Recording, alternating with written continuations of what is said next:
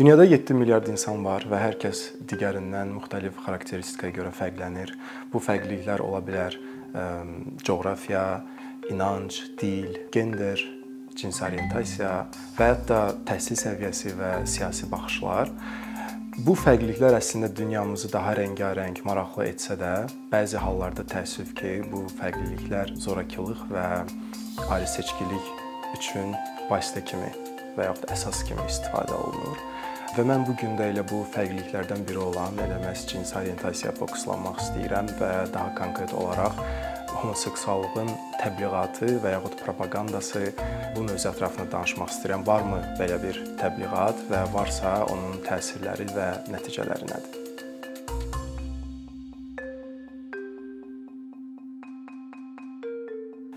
LGBT mövzusunda isə hər zaman danışanda e, ən çox işlədilən ifadə məhz homoseksuallığın təbliğatıdır və homoseksuallığın təbliğatında da misal kimi istifadə olunur hər zaman gey paradlar.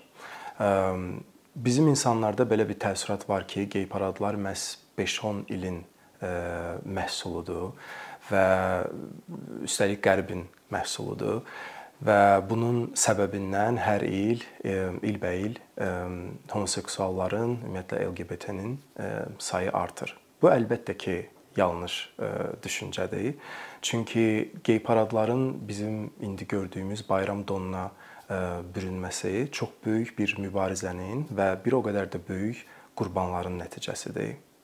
Azərbaycan isə bu prosesdən hələ də keçmədiyi üçün insanlar gey paradlara kiminsə öz cinsi orientasiyasını ətrafa bəyan etməsi hadisəsi kimi baxırlar. Amma bayaq da qeyd etdiyim kimi bu yürüşlər əslində insan haqqları istiqamətində əldə olunmuş böyük bir uğurun və LGBT icmasının cəmiyyətin bərabər hüquqlu üzvü kimi qəbul olunmasının simvoludur. Və bizim də gördüyümüz kimi bu paradlar, yürüşlər əsasən iqtisadi cəhətdən inkişaf etmiş və insan haqqları məsələlərində öndə olan qərb ölkələrində baş tutur və bu da sözsüz ki, təsadüfi deyil. Gey paradların homoseksuallığı yayması isə ən sadə formada gülünc bir inancdır. Çünki təbliğat nə qədər güclü olmasından asılı olmayaraq heç vaxt insanın anatomiyasına təsir eləyə bilməz. Təbliğat vasitəsilə biz e, insanlara homoseksuallığın da digər cinsi orientasiyalar kimi, ələxüsusda heteroseksuallıq kimi, yəni norma kimi qəbul olunmuş heteroseksuallıq kimi təbii e, bir şey olduğunu aşılaya bilərik və digər insanlara da hörmətlə, e, bərabər hüquqlu şəxs kimi, fərd kimi yanaşmasını aşılaya bilərik. Əgər fərz etsək ki, homoseksuallığın təbliğatı həqiqətən də homoseksuallığa zəmin yaradır, yəni insanları e, orientasiyasını dəyişir. O zaman gəlin elə e, Azərbaycan misalında e, heteroseksuallığın və heteronormativliyin təbliğatına nəzər yetirək. Bizdə demək olar ki, hər bir uşaq körpəliyindən yeniyetməliyinə və gəncliyinə qədər yüzlərlə toy məclisində iştirak edir və toy dedikdə əlbəttə ki, bizdə qadın və kişi arasındakı izdivac nəzərdə tutulur. Və bu uşaqlar ə, e, lap kiçik yaşlarından evliliyin sadəcə kişi və qadın arasında mümkün olması ə, e, ideyası ilə böyüyür və özlərini də gələcəkdə bu qəlibə sıxışdırmağa çalışırlar. Bundan əlavə toylarla yanaşı bizim ə, e, oxuduğumuz nağıllar, izlədiyimiz ə, yəni milli filmlər, ə, dinlədiyimiz musiqilər, və hətta televizoru açdığımızda izlədiyimiz reklamlar da bu heteronormativ ailə obrazını həmişə canlandırır və kişi və qadın arasındakı sevgidən bəhs eləyir. Və elə bu səbəbdən əgər doğrudan da təbliğat üsulu ilə kiminsə cinsi orientasiyasına təsir eləmək mümkün olsaydı, onda gərək ki, Azərbaycanda hər kəs heteroseksual olardı. Ortalama statistika isə onu göstərir ki, e, hər bir ölkədə e, LGBT icması ümumi əhalinin 5-10%-ni təşkil edir və Azərbaycanda da bu rəqəmlər e, aşağı-yuxarı eyni səviyyədədir. Yəni biz hətta gey paradlara bir təbliğat vasitəsi kimi baxsaq belə başa düşməliyik ki, bunlar homoseksual insanların sayını artırmır. Sadəcə görünürlük yaradır, hansı ki ingilis dilində visibility ifadəsidir Yəni bundan daha çox insan cəsarətlənir, öz kimliyini gizlətmək istəmir, olduğu kimi yaşamaq istəyir və bu da ətrafdakı insanlarda elə təəssürat yarada bilər ki, homoseksualların sayı əvvəlkindən daha çoxdur. Gey paradlarla bağlı əsasən homofob insanları qıcıqlandıran məqamlardan biri də bu öz cinsi orientasiyanı ailəmə car çəkmə məsələsidir. Və burada mən yenə Azərbaycan toylarına qayıtmaq istəyirəm. Çünki bu toylar da özü bir növ cinsi orientasiyanın o toya dəvət elədiyin insanlara bəyan edilməsidir. Yəni bax, mən əks cinsə cazibə hiss eləyirəm və onunla da öz həyatımı davam edəcəm. Sözsüz ki, burada pis heç bir şey yoxdur. Sadəcə bu o qədər vacib bir məqamdır ki, insan həyatında sən bunu öz yaxınların, dostların, ətrafındakı insanlarla bölüşmək istəyirsən və bu istək homoseksual insanlar üçün də keçərlidir. Çünki bu kimi vacib bir yəni şəxsi həyatın belə bir vacib bir hissəsini sən yaxınlarınla paylaşmaq ehtiyacı sözsüz ki, duyursan.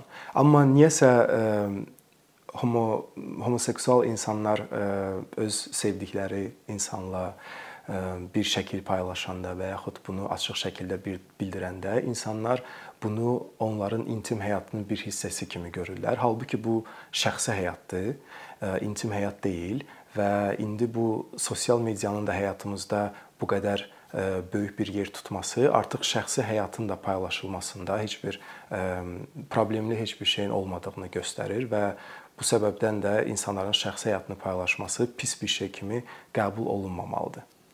Amma homoseksual cütlüklər bunu edəndə insanlar əsasən bizim bunu bilməyə ehtiyacımız yoxdur, gedin öz həyatınızı bağlı qapı arxasında yaşayın kimi aqressiv və eyni zamanda itiləyici ifadələr işlədirlər.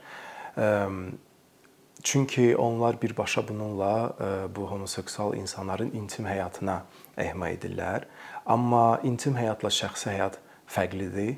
Bu insanın şəxsi həyatıdır və sosial medianın bu gün həyatımızda bu qədər əhəmiyyətli yer tutduqdan sonra şəxsi həyatın paylaşılması e, böyük bir problem kimi qəbul olunmamalıdır.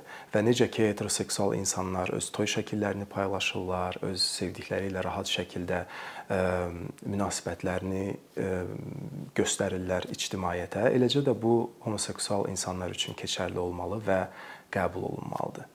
Və cəmiyyət cinsi orientasiyasına görə insanları sıxışdırdıqda, onları bayaq da qeyd etdiyim kimi bağlı qapı arxasında qalmağa, e, görünməməyə məcbur etdikdə bu faciəvi nəticələrə gətirib çıxarda bilər. E, ümumdünya statistikasına görə e, homoseksual və ümumilikdə LGBT icması heteroseksual insanlardan 5 dəfə daha çox intihara meylli olurlar və bunun da başlıca səbəbi elə istər ailə, istər cəmiyyətdən olan basqılar, zorakılıq, ayrı-seçkilik və bu kimi neqativ münasibətlərdir.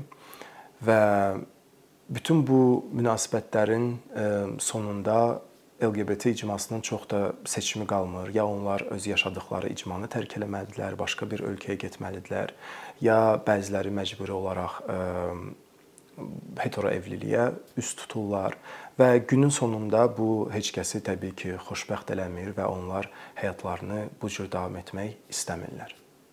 Sonda bir daha qeyd etmək istəyirəm ki, qürur yürüşləri, gey paradlar və hətta filmlərdə gördüyümüz LGBT obrazları bunlar homoseksuallığın təbliğatı kimi qiymətləndirilsə də, bu yolla heç kəsin cinsi orientasiyasına təsir etmək mümkün deyil bu görünürlük sadəcə insanlarda empatiya hissini gücləndirə bilər, digər özündən fərqli olan insanların da bərabər hüquqlu fərd kimi qəbul olunmasını təmin edə bilər və bu yolla ümumilikdə cəmiyyətin inkişafına töhfə verə bilər və çünki hər kəs fərd olaraq mütləq ki, öz ölkəsinə, öz icmasına yaxşı nələrsə verə bilər və o insanları sıxışdırdıqca, onlara qarşı ayrı-seçkilik etdikcə və zorakılıq göstərdikcə biz əslində özümüzə ziyan vururuq. Çünki onların o potensialının və verə biləcəkləri